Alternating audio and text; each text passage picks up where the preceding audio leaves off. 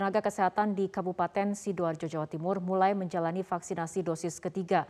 Vaksin dosis ketiga ini menggunakan vaksin Moderna. Di Puskesmas Kecamatan Buduran Kabupaten Sidoarjo ini sejumlah nakes mulai diberikan suntikan vaksin COVID-19 dosis ketiga. Vaksinasi dosis ketiga bagi nakes ini juga dilakukan di sejumlah puskesmas lainnya di wilayah Kabupaten Sidoarjo.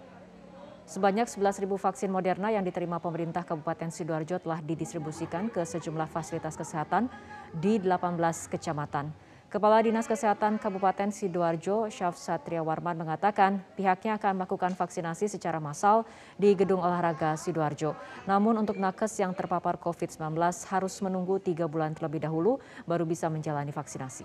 Pemirsa jenazah seorang wanita ditemukan warga dengan kondisi terkubur setengah badan di bawah jembatan tol Jatikarya Bekasi, Jawa Barat. Kuat dugaan korban meninggal dunia akibat menjadi korban pembunuhan. Korban yang berprofesi sebagai terapis bekam ini diperkirakan berusia 25 hingga 30 tahun.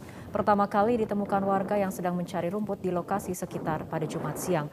Warga kemudian melaporkan penemuan jasad wanita tersebut ke kepolisian Polsek Jati Sampurna. Menurut pengakuan warga sekitar lokasi kejadian memang terbilang sepi meskipun baru pukul 9 malam. Padahal jarak jalan utama atau jalan Keranggan menuju lokasi temuan mayat hanya berjarak 50 meter. Kapolsek Jati Sampurna Ibtu Santri Dirga mengatakan korban tewas dalam kondisi hamil kurang lebih lima bulan. Selain itu kuat dugaan korban meninggal akibat menjadi korban pembunuhan.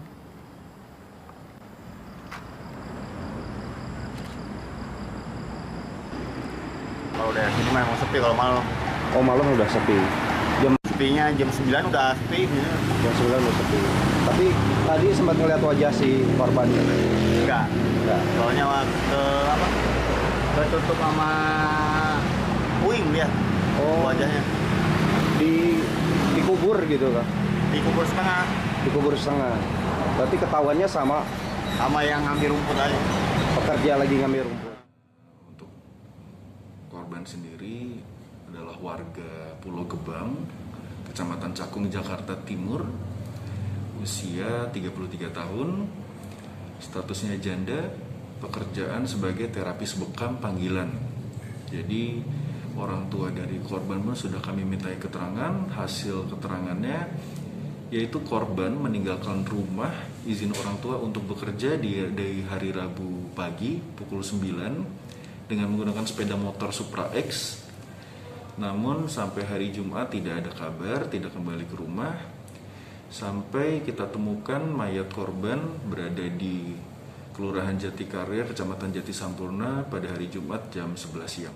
Sudah sejauh mana proses penyelidikan pembunuhan seorang wanita di Jati Sampurna Bekasi telah terhubung Ibtu Sandri Dirga Kapolsek Jati Sampurna. Selamat sore Pak Dirga.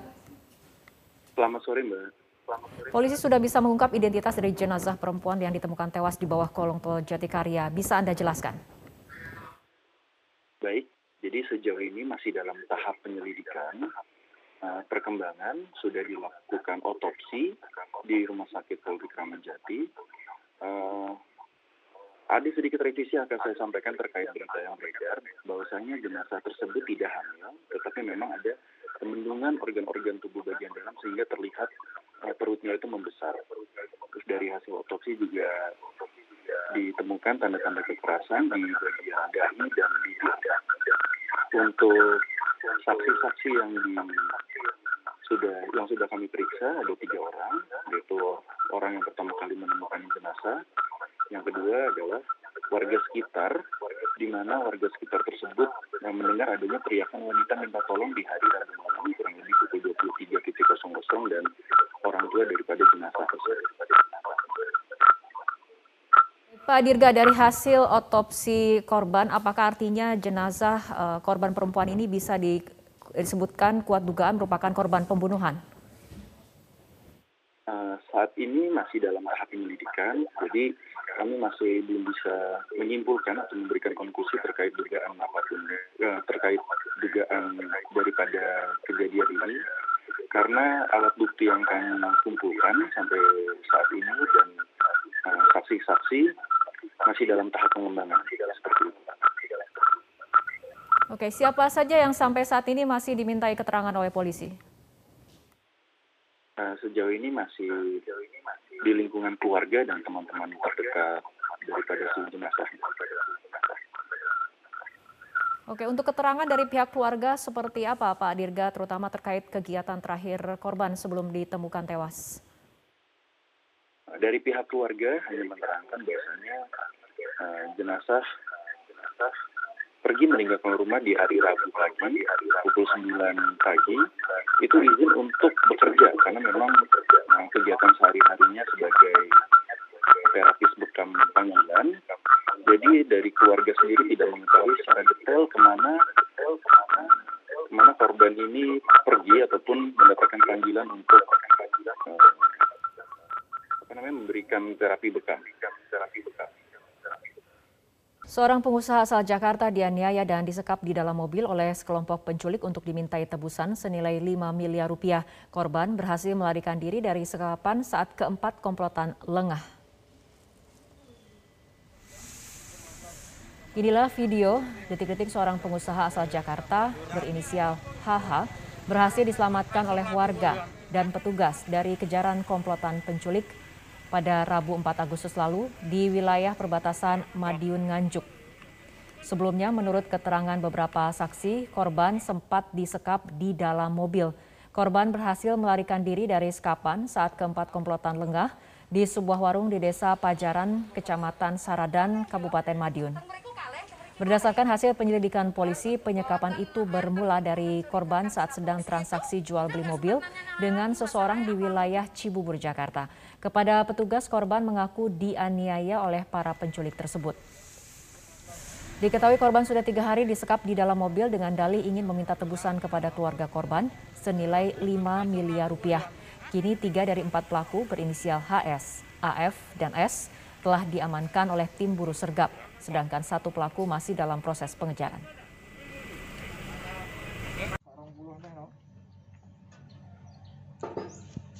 Kami masih mencari pelaku yang masih kabur.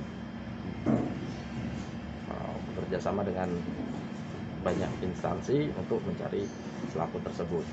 Lalu untuk korbannya sendiri yang bersangkutan sudah kembali ke rumahnya di Jakarta. Iya, hmm. kurang lebih mereka itu sempat dulu pernah bekerja sama ataupun hmm. pernah ada hubungan pekerjaan hmm. antara korban, korban dan Pemirsa rencana pengelola kebun binatang Bandung untuk memotong rusa dan memberikannya kepada hewan pemakan daging akhirnya tidak dilakukan setelah sejumlah warga dan komunitas pecinta hewan di Bandung membantu memberikan pakan untuk hewan. Sejumlah warga dan komunitas pecinta hewan di Kota Bandung berinisiatif membuka donasi untuk membeli pakan bagi hewan-hewan yang ada di kebun binatang Bandung. Dari uang donasi yang terkumpul digunakan untuk membeli pakan hewan seperti wortel, kelapa, pepaya, dan daging ayam. Dengan adanya bantuan pakan dari warga dan sejumlah komunitas ini, pihak pengelola kebun binatang Bandung akhirnya membatalkan rencana memotong rusa untuk diberikan kepada hewan pemakan daging.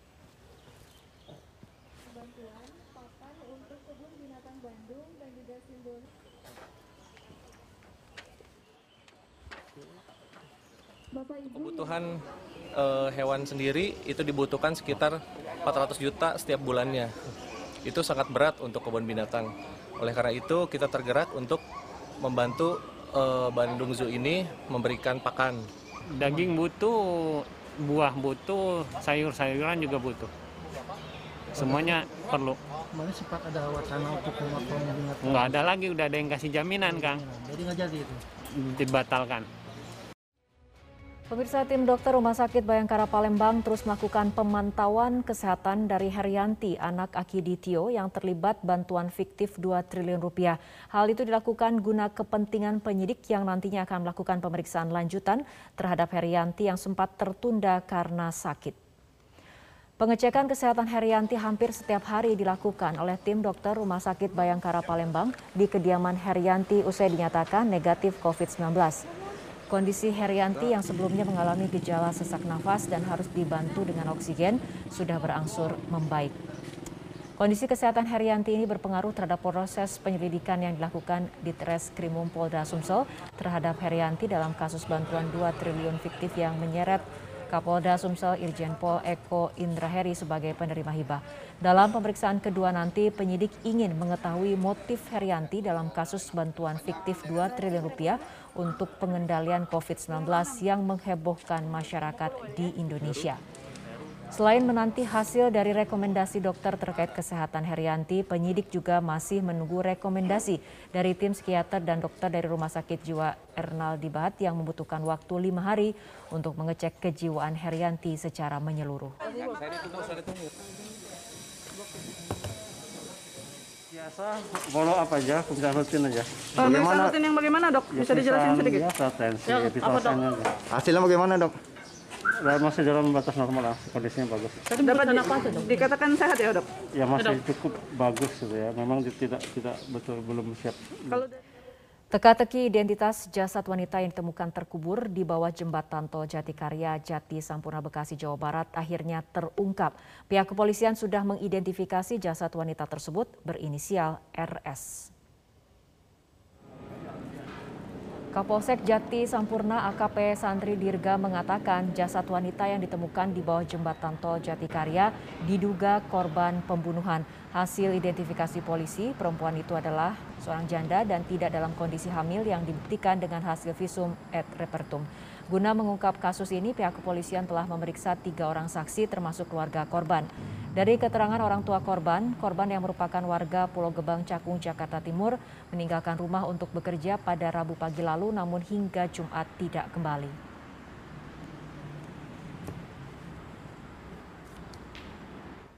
yang kami kumpulkan di sekitar TKP yaitu ada tas korban yang berisikan peralatan bekam, ada jilbab juga, ada kacamata yang sudah pecah, ada sepatu korban, dan ada cincin serta kunci motor yang ada di sakunya saku pakaian korban. Untuk saksi yang sudah kami Ratusan pengunjung wisata Pantai Bongen di Musi Banyuasin, Sumatera Selatan dibubarkan petugas Satgas COVID-19 karena terjadi kerumunan dan melanggar protokol kesehatan dalam masa penerapan PPKM level 4.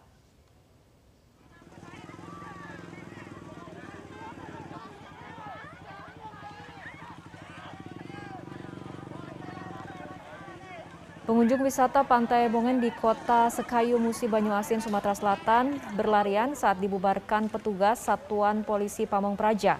Dalam pelaksanaan PPKM level 4, pembubaran pengunjung wisata ini salah satu upaya yang dilakukan oleh Satgas COVID-19 untuk mencegah terjadinya penyebaran COVID-19. Dalam razia ini petugas menemukan banyak para pengunjung yang tidak menggunakan masker dan melanggar protokol kesehatan. Sejumlah pengunjung mengatakan meski kondisi angka kasus COVID-19 di Buba masih tinggi, warga mengaku tidak khawatir mengisi liburan akhir pekan dengan pergi ke pantai di masa PPKM ini. Dan umumnya warga mengetahui aturan PPKM untuk tidak pergi ke tempat wisata.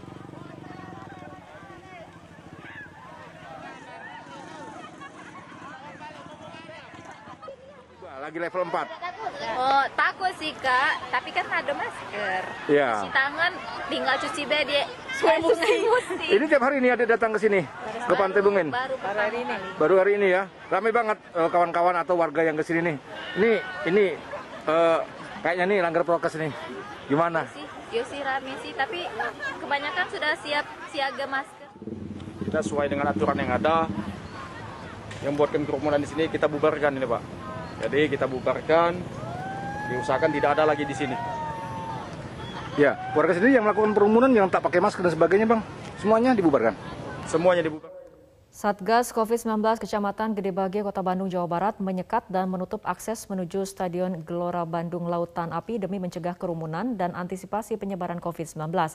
Petugas pun memutar balikan para pesepeda maupun warga yang hendak berolahraga. Jelang berakhirnya perpanjangan PPKM level 4, petugas gabungan dari Satgas COVID-19 Kecamatan Gedebagi, Kota Bandung, Jawa Barat hingga hari Minggu masih menjaga ketat akses menuju Stadion Gelora Bandung Lautan Api atau GBLA. Warga yang hendak beraktivitas olahraga seperti bersepeda maupun lari diminta untuk putar arah dan dilarang masuk ke area stadion. Penutupan akses jalan menuju Stadion Gelora Bandung Lautan Api dilakukan sebagai langkah untuk mencegah terjadinya kerumunan warga serta penyebaran COVID-19.